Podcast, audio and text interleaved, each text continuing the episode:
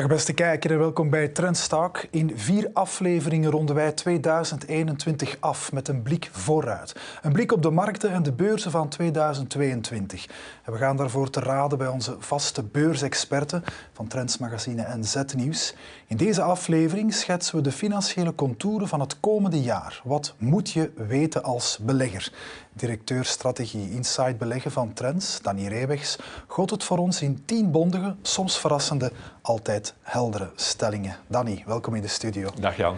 Uh, Danny, 2021, jij bent elke dag met de beurs Ja, bezig. absoluut. Van het meest opmerkelijke aandeel op, op die ene dag Ja. tot megatrends. Hoe heb je dit jaar beleefd? Want eh, het is toch minstens een memorabel jaar geweest. Ja, ik zit nu ongeveer 30 jaar in, in dit vak en ik heb me geen dag verveeld in eh, 2021. Ik kan me voorstellen in vele beroepen dat je zegt na 30 jaar ik heb alles gezien, maar voor mij geldt dat absoluut niet. Hè. Er zijn nog altijd voortdurend nieuwe wendingen, ontwikkelingen die je totaal niet had zien aankomen, andere waar je had op gehoopt en dan gebeurt het ook. Dat is, dat is bijzonder prettig. Dus ja, inderdaad, dit is zoals een heel mooi eh, jaar eh, 2021 eh, waar we ons absoluut niet hebben verveeld. Ja, never a dull moment. Ja. Ehm, je bracht begin dit jaar ook je recentste boek uit. Ja. Ehm, haal meer uit je beleggingen. En dat was niet Ja. voor niks. Er zijn een pak nieuwe mensen, ook jonge mensen, naar de beurs gekomen. Ja, dat is absoluut eh, gebeurd. Hè. Dat, dat zien we. En we gaan straks ook uitleggen waarom dat, dat eh, gebeurt. En dat is een heel gunstige ontwikkeling. Hè. Na de bankencrisis hebben we een enorme terugslag gehad in de interesse voor aandelen in, in België zeker. Eh, maar dat is nu helemaal teruggekomen. En vooral dat dat jonge mensen zijn, ja, dat is toch wel een zeer gunstige ontwikkeling. Hopelijk kijken er eh, veel Ja. jonge mensen mee naar die vooruitblik op eh, volgend jaar. Ehm, je hebt dat in tien stellingen gegoten. Ja. Nu goed, maar we weten, voorspellen is altijd moeilijk. Er is een disclaimer. Hè? Ja, absoluut. Hè. Dit, ik geef hier toch wel mijn visie, wat ik verwacht van het komende jaar. Maar uiteraard, eh 10 op 10 scoren, dat zal heel, heel moeilijk zijn, uitzonderlijk. 7 op 10 zou al heel, heel mooi zijn, hè, want je gaat toch een beetje met de billen bloot door zo eh, bepaalde stellingen naar voren te brengen. Dus dat moeten we toch wel eh, aanhalen vooraf, inderdaad. Ja. We gaan van macro-economie Ja. naar, eh, naar de beurs. We gaan naar de eerste stelling. Die, die reële economie die deint het voorbije anderhalf jaar op het ritme van de pandemie. De pandemie wordt ingedijkt door beperkende maatregelen en vaccins. 43% van de wereldbevolking is volledig gevaccineerd. 55% kreeg een eerste prik. Dat betekent wel dat bijna de helft van de wereldbevolking nog niet is ingeënt en dat is niet min en brengt ons bij jouw eerste stelling, het jaar 2022, economisch gezien, Ja. staat of valt met de succesgraad van de verdere uitrol van het eh, COVID-19-vaccin in de opkomende landen. Leg eens uit. Ja, wij denken hier, eh, ja, wij hebben een hoge vaccinatiegraad. Op dat vlak is het werk geleverd. Ondertussen met Omicron weten we, ja, die boosterprik, die derde prik, zal ook nog nodig zijn om ons in de mate van het mogelijke te beschermen. Maar ja, na eh, uitkomen van die vaccins hebben wij in de westerse wereld, Noord-Amerika, Europa, die vooral naar ons toegehaald. Hè, wij hebben die opgekocht. En eh, de rest van de wereld is daar wat achterop gehinkt, zit zeker zes maanden achter in die vaccinatiecampagne. Dus voor hen is 2022 nog minstens zo belangrijk dan 2021. En in de mate dat we ook die bevolking kunnen, kunnen bereiken en in de mate van het mogelijke zo hoog mogelijke vaccinatiegraad te bereiken, dat zal belangrijk zijn hoe het economisch plaatje er in 2022 zal uitzien. Want dat is inderdaad nog altijd een heel groot pak van de wereldbevolking en toch ook belangrijk. Bijvoorbeeld een, eh, een land als eh, India, las ik, dat is 1,3 miljard inwoners.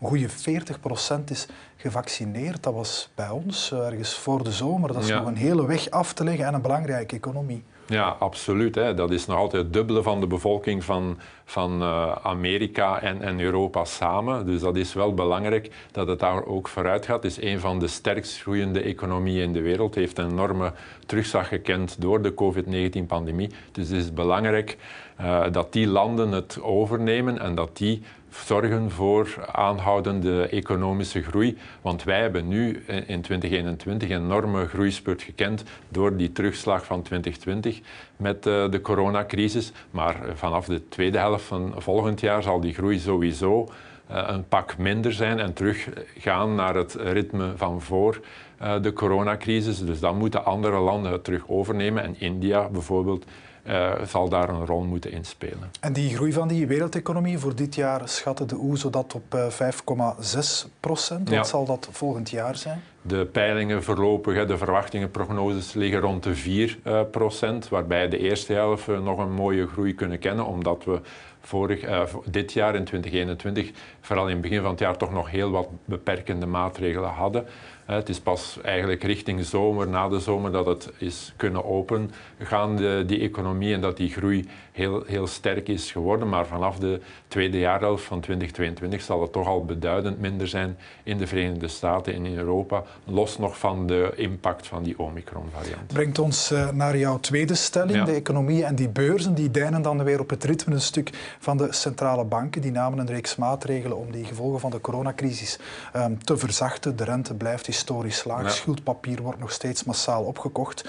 Jouw tweede stelling is dat het jaar 2022, financieel gezien dan, eh, mede bepaald zal worden door de timing natuurlijk van de eerste renteverhoging van, eh, in de VS en het vetplan rond de normalisering van die, eh, van die rente. Ja, wat we heel moet, moeten beseffen, hè, wie op de beurs actief is, dat die centrale banken sinds de bankencrisis daarin toch een heel belangrijke rol spelen. Er zijn studies die duidelijk laten zien dat de toename van de balansen van de grote centrale banken, Federal Reserve, Europese Centrale Bank, Bank of Japan, en de stijging van de S&P 500, dus de Standard Poor's 500-index, de belangrijkste graadmeter van de Amerikaanse beurs en met de 500 grootste bedrijven, ja, dat die samenhang heel, heel groot is.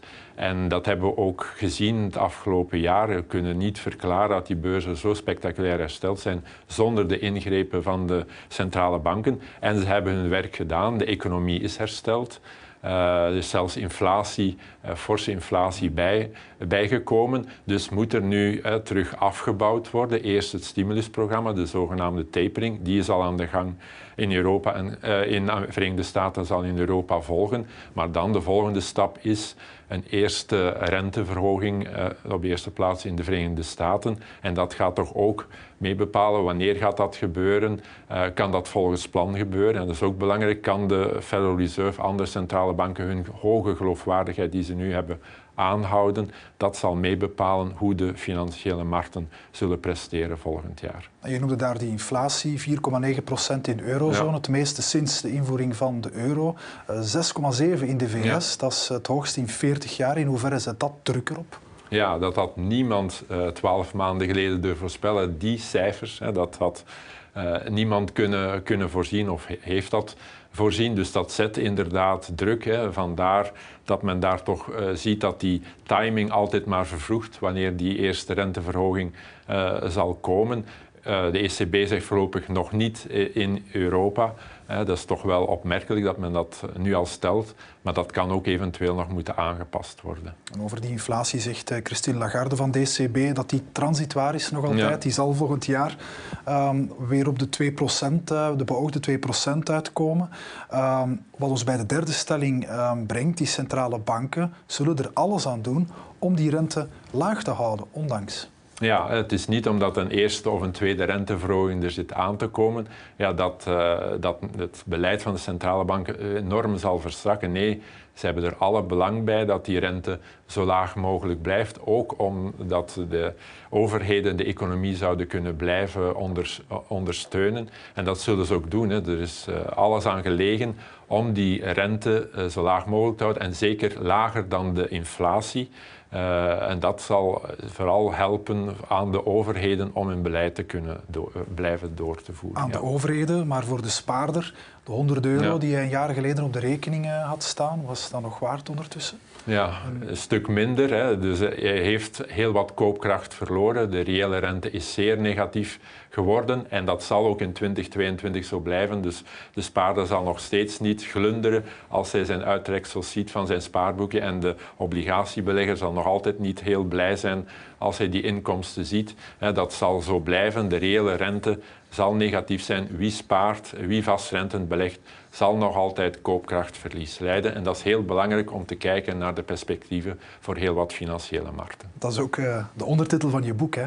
Ja. Van de berooide spaarder tot... Ja, uh... succesvolle belegger. Hè. Die overstap, die zien we dat uh, gebeurt. En dat is logisch, hè, gezien het grote koopkrachtverlies dat er geleden wordt met die 100 euro die op je spaarboekje staat, kan je na één jaar maar uh, 4,95 96 euro nog aan goederen of diensten kopen. En dat is dus echt wel uh, een, een, probleem. En daar zoeken heel wat spaarders, uh, vastrentende beleggers een oplossing voor.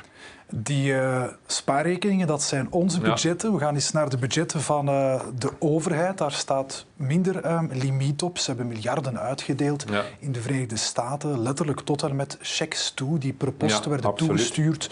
1900 miljard dollar coronastimuli. Nog eens 1000 miljard uh, overheidsinvesteringen. Um, met ondertussen een staatsschuld in de VS die 30 biljoen, 30.000 um, miljard bedraagt. Dat is, dat is ja, ja. Episch, epische cijfers. Um, jouw voorspelling voor volgend jaar is dat de begrotingsdiscipline nog niet of nauwelijks zal ja. terugkeren. Ze blijven volharden. Ja, dat lijkt uh, wat bizar. Hè. Moet dat dan niet? Uh, voorlopig niet. Hè. Overheden hebben er alles aan gedaan en tot nu toe ja, ook volkomen terecht. Want anders zou er een implosie geweest zijn, economisch gezien. Hadden we een, een depressie kunnen kunnen kennen, vergelijkbaar met in de jaren 30. En daar wil niemand natuurlijk naar uh, terug. Ja, maar dat vergeten we misschien soms ja. wel eens. Hè. Die, dit dient tot alles um, ja. uiteindelijk. Alleen het probleem was, op het moment dat men dat deed, was de schuldgraad in de wereld al bijzonder hoog opgelopen. Dat is een fenomeen dat al sinds de bankencrisis toch sterk is, is toegenomen. En uh, voorlopig kon men daar dan niks aan veranderen. En dat heeft men ook gelukkig niet, niet gedaan. Maar die schuldenberg is er natuurlijk. Alleen door de lage rente, dankzij het beleid van de centrale banken, is de rentelast, de kost daarvan, nog bijzonder laag. Zelfs lager dan voor de bankencrisis, ondanks die fors opgelopen schuld Want in de wereld zitten we nu met uh, bijna 250.000 miljard dollar aan uh, schuld. Als we alles optellen, dat is 335 procent van het wereld BPP. Dat is nog nooit gezien in de naoorlogse periode. Ja, naoorlogs, want in die strijd tegen corona wordt vaak oorlogstaal gebruikt. Maar uh, ja, de schulden zijn ook van die categorie. Hè? Ja, en dat moet dus uh, dankzij die inflatie ook helpen om dat in reële uh, kosten te kunnen afbouwen. Hè, dat die schuld die nominaal 100 was, dat die in reële kost nog 7, 96 euro wordt uh, door, door de inflatie. Vandaar dus het beleid van de centrale banken. En vandaar ook dat men gaat proberen zo lang mogelijk die rente onder die inflatie te houden, zodat er op die manier de reële kost daarvan verminderd kan worden. Eh, en dat is ook nodig, want stel dat de rente nu door de inflatie naar 3, 4 procent zou gaan in Europa, ja, alle landen komen onmiddellijk in de problemen en moeten dan onmiddellijk het beleid volledig omgooien en gaan naar een veel grotere begrotingsdiscipline. Daar gaan ze pas aan denken naar het einde van volgend jaar toe. Als ze kijken naar de begroting 23, dan zal er terug voor het eerst terug sprake zijn van enige discipline, maar voorlopig gaat dat nog niet gebeuren. Ja, de souplesse mag blijven hier bij ons van ja. de Europese Unie, pas in 23,5 procent op het structureel ja, dus tekort. Heel, heel geleidelijk aan gaat men dat gaan aan werken, want men wil niet zich kapot besparen en dan heel dat economisch herstel volledig terug vernuiken. Dat kan niet de bedoeling zijn. Als die schulden dan gedurende 22 blijven stijgen, dan gaan we dat uh, historisch record nog verder omhoog duwen. Dat ja, dat, uh, dat zit er sowieso aan te komen.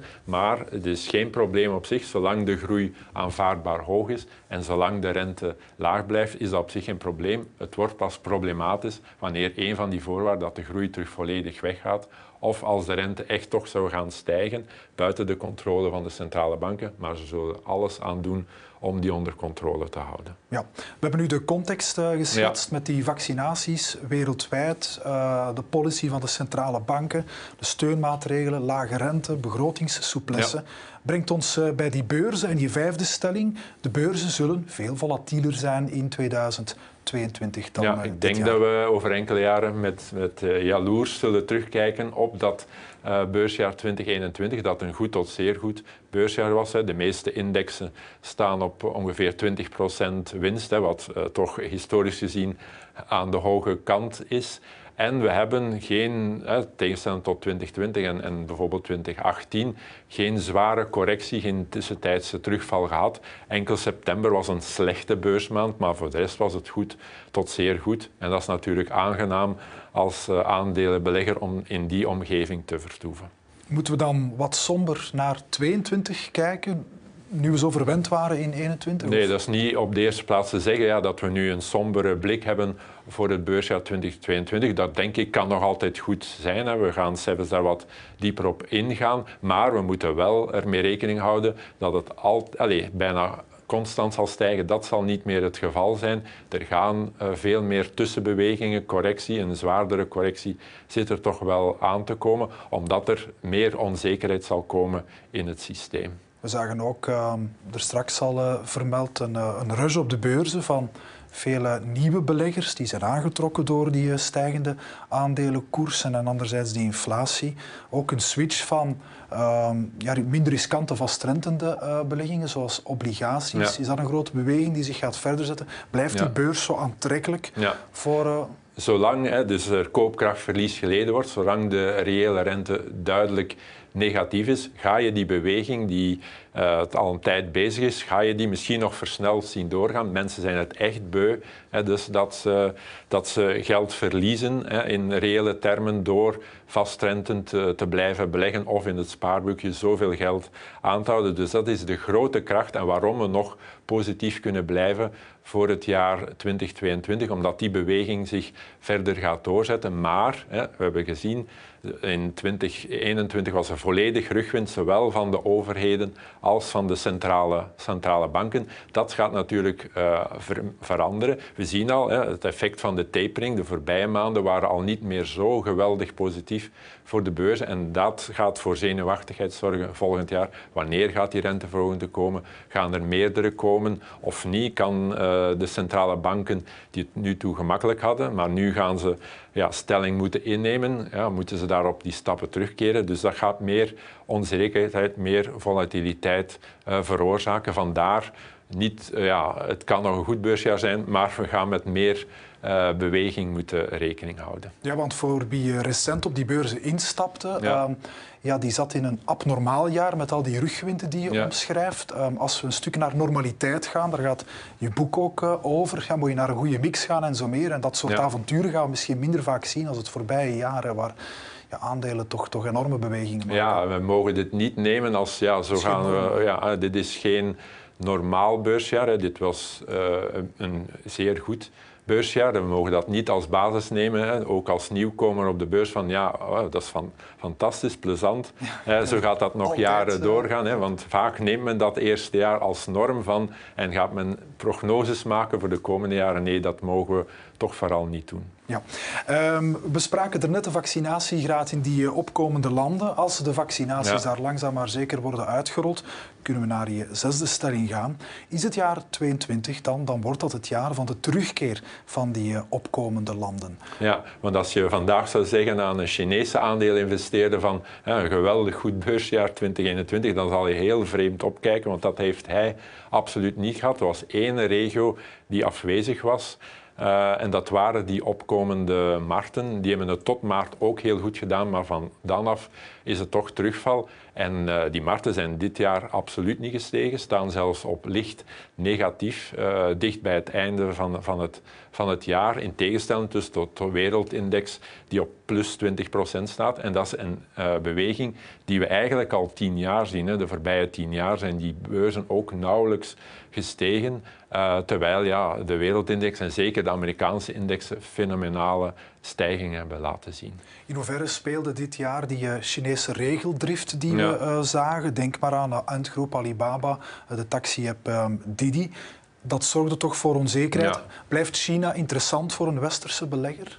Ja, we hebben nu gezien dat we daar toch wel voorwaarden moeten stellen. Dat het risicogehalte daarvan toch veel groter is. Hè. Mensen gingen dat gelijkstellen en gingen investeren in Alibaba, Tencent en dachten, ja, fantastische rendementen verhogen. Nee, het is toch nog een heel ander systeem, een ander mechaniek die daar speelt. En corporate governance en zo is toch van een heel ander niveau dan wij gewoon zijn in het Westen. Hebben we de voorbije maanden vele tot schade moeten terug ondervinden. En dat heeft inderdaad een heel belangrijke rol gespeeld in de negatieve prestatie van die opkomende markten. Want China speelt in de meeste van die trekkers, die indexen, toch een derde, is veruit de grootste markt daarin en dat heeft heel zwaar gewogen. Naast de mindere vaccinatiegraad en naast de sterke dollar is dat toch de belangrijkste reden waarom die opkomende markten het niet hebben gedaan in 2021. Maar kan dat vertrouwen uh, nog terugkeren het komende ja, jaar? Ik denk wel ja, dat het pessimisme daaromtrent nu toch wel overdreven is. Dat zal natuurlijk maar geleidelijk aan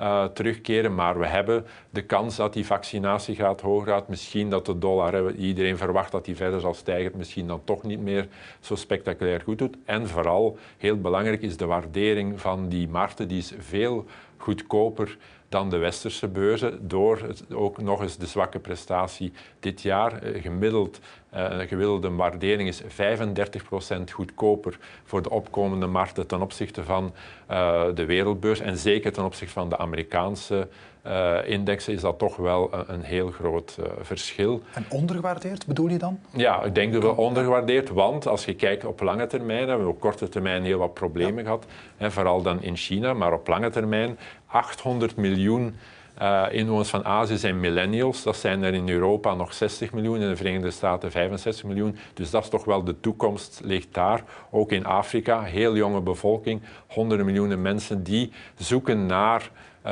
ja, een beter leven. Hè. Opkomende middenklasse, dat heb je hier toch niet of nauwelijks nog. Dat heb je daar nog. Dus op lange termijn zijn de vooruitzichten voor die regio toch nog altijd goed. Er zijn problemen op korte termijn geweest, maar 22 en volgende, denk ik, moeten we toch terug een inhaalbeweging zien van die markten. Ja, dat op uh, lange termijn. Um, in een aandelenportefeuille, ja, die moet evenwichtig samengesteld ja. zijn. Defensieve aandelen, holdings, cyclische. Um, en de voorbije jaren, toch tot coronajaar 2020, zagen we een spectaculaire groei van die tech-aandelen. Ja. Maar jouw zesde stelling is geen techgiganten nodig om de indexen te kloppen in 2022. Ja, ik denk dat we ja, eigenlijk een decennium gehad hebben. De, de Nasdaq in de voorbije tien jaar bijna 500% gestegen ten opzichte van de Dow Jones. De index een beetje van de klassieke waarde, maar 200%. En de Eurostox 50 zelfs minder dan 100%. Dus er is een gigantische kloof ontstaan tussen de prestaties van die techgiganten en, uh, en de klassieke waarden. Dat was in 21 al veel minder het geval. We gaan zien, het is een nek-aan-nek race. De ene maand doet de Dow Jones of de Eurostox 50 het goed en Nasdaq wat minder. De andere maand is het omgekeerd. Dus de prestaties liggen nu veel meer in de lijn van, van elkaar. En ik ga ook niet beweren dat je techgiganten dat die het bijzonder slecht gaan doen op korte tijd. Maar ik verwacht niet meer dat die het nog zoveel beter gaan doen dan de andere waarden. Waarom niet? één waardering. Hè. Ze zijn extreem hoog gewaardeerd. Geprijsd voor perfectie, zoals men noemt. En als er dan wat negatief nieuws rond is, hè, zoals rond Facebook, hè, nu Meta-platforms of Amazon, dan zie je dat die koersprestatie toch beduidend minder wordt. En algemeen, jarenlang was er grote bewondering voor die concerns, voor die giganten. Maar nu is er toch vooral meer en meer kritiek. Men wil dat aan banden leggen. Kijk wat er in China gebeurd is. Zal niet hetzelfde gebeuren in Amerika, maar toch, je voelt wel dat het momentum een beetje gekeerd is tegen hen. Hè. Men wil eventueel ingrijpen. Men vindt dat ze veel te disruptief zijn uh, voor de economie, dat ze ja, veel te hoge winsten maken, hun machtspositie misbruiken. Dus er kunnen maatregelen komen. En sowieso, zelfs daarzonder, wordt het voor hen steeds moeilijker om die heel hoge verwachtingen van de markt nog uh, te kloppen. Ja, want als we bijvoorbeeld Amazon bijnemen, het voorbeeld dat je gaf, uh, bij het uitbreken van de coronapandemie schiet dat van 1800 naar 3400 dollar, indrukwekkend. Maar sindsdien blijft het hangen op ja. die hoogte. Ik wil niet vragen of die techmarkt kan sputteren, maar zit die op een bepaald moment op, op een soort kruissnelheid van goed, dit is het nu, het businessmodel ja, Ik denk wel, ja. Je kan niet blijven, blijven uh, innoveren en, en zien. En je kan niet blijven je marktaandeel uitbreiden. Op een gegeven moment is dat gewoon aan de top. En zie je gewoon, ja, die waardering houdt rekening met een fantastisch mooi groeiverhaal dat we zien en misschien nog gaan blijven zien. Maar om dan nog eens te excelleren op de beurs ten opzichte van de andere waarden, dat gaat toch bijzonder moeilijk worden. En eerlijk gezegd, ik verwacht het niet meer. Ja, dan gaan we naar edelmetalen. De pandemie die zorgde voor economische onrust, voor schade. En dan denk je, ja, in zo'n tijden dan kunnen mensen hun toevlucht vinden, een toevlucht vinden bij het goud. Dat zou de goudprijs goed moeten doen. Maar gaat dat een eigenlijk wat minder jaar? Het is twee keer iets boven 1900 dollar gegaan, maar voor de rest blijft het rond die 1750. Ja, de goudkevers bleven op hun honger zitten, hè? die ja, hoopten erop. Absoluut, die hebben niet het jaar gekregen dat ze, waar ze op gehoopt hadden. Uh, en vooral dan, ja, gezien de zeer negatieve uh, reële rente, zou je denken, ja, het goud gaat het nog goed doen. Maar ik denk net de overgang van 2020, heel veel stress in de markten, oei oei, economisch, hoe gaat dat hier verder? Dan heb je heel veel onzekerheid, mensen. Dan zoekt men naar die vluchtwegen, naar die vluchthavens. En dan heeft het goud gepiekt hè, in de zomer van vorig jaar moment dat de stress op het maximum was rond uh, de COVID-19-pandemie. Maar daarna hebben we gezien, ja, die vaccins zijn gekomen, de economie is terug heropend, de groei is terug kunnen uh, aanpikken. En dan heb je gezien, ja, het is minder onzekerheid, minder stress op de markten en dan gaan de mensen terug uit. Uh, die edelmetalen, vooral uit het goud, heb je gezien ja, dat het sindsdien toch wat kalmer is voor beleggers in, in die edelmetalen. Uh, je schreef dat ook uh, in je boek, dat die klassieke aantrekkelijkheid van goud in tijden van inflatie, dat het eigenlijk niet helemaal klopt. Nee, dat, uh, dat is soms wel, soms niet. Er is geen eenduidig ja. verband. Het was zo in de jaren 70, begin jaren 80, omdat toen de inflatie helemaal uh, galoppeerde, helemaal uit, uh, uit verband ging, hè, dat men daar totaal geen greep meer op had, dan ja, geeft dat enorm veel stress, onzekerheid bij de mensen en dan gaan ze naar die vluchthavens. Zolang men zegt, ja, die inflatie is tijdelijk, ja, dan gaan mensen zich daar nog niet extreem ongerust over maken en gaan ze nog niet onmiddellijk grijpen naar, uh, naar dat goud bijvoorbeeld of zilver. Maar ik denk in 2022 dat, ja, dat die neiging toch terug groter zal worden omwille van, van de onzekerheid, de hardnekkigheid van die inflatie, die onzekerheid rond het uh, beleid van centrale banken. Ja, gaan die renteverhogingen komen? Wanneer? Hoeveel? Uh, ja, gaan ze vasthouden aan hun plan of gaan ze toch eens op hun stap moeten terugkeren? En zodra ja, die geloofwaardigheid van de centrale banken toch enigszins wordt aangetast, gaan mensen denk ik toch teruggrijpen naar, naar die edelmetalen. Ja, want tot nader order 21 was niet het jaar van het nee, absoluut goud, wel het jaar van de grondstoffen. Dat merken we, zien we nu zelfs ja, in de aanvoerketens tot in de uh, retail.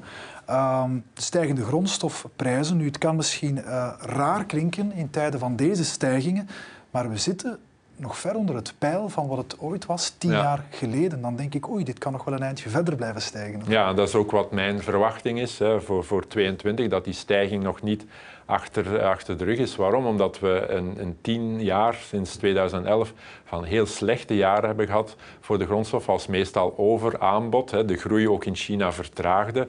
Uh, er was genoeg op dat moment op de markt. China heeft enorme uitbreiding gedaan in heel wat grondstoffen en die prijzen zijn enorm gezakt. Want zelfs nu, na die spectaculaire stijging van het afgelopen jaar, staat de CRB grondstoffenindex, de belangrijkste index voor grondstoffen, nog altijd op min 25, min 30 procent ten opzichte van tien jaar geleden. Ten opzichte van de beurzen, ja, die honderden procenten zijn, uh, zijn gestegen. Dus er is een enorme achterstand uh, geweest. En dat is nu door de forse economische heropleving, die veel sneller ook is komen dan verwacht, ja, heb je daar plots een forse beweging naar boven voor grondstoffen. Maar ik denk dat die nog niet is afgelopen. En die tekorten die er zijn door wat stillag tijdens corona, blijft dat zo lang, zo fors?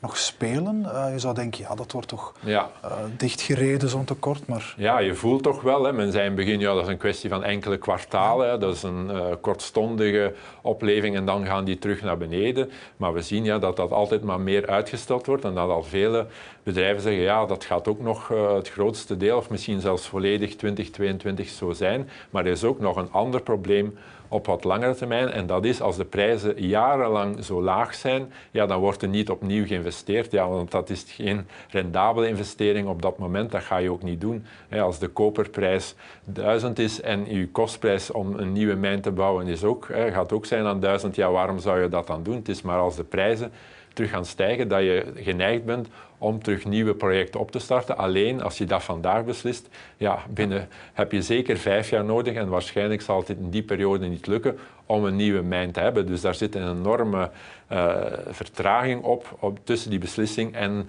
de realisatie. En bovendien, ecologie, milieu speelt ook een belangrijke rol. Het is altijd maar moeilijker om nog een mijnbouwproject goedgekeurd te krijgen. Er is altijd weerstand bij de plaatselijke bevolking. De overheid ziet dat ook niet meer graag komen. Vroeger werden die mijnbouwgiganten omarmd, want die stelden dan veel mensen te werk.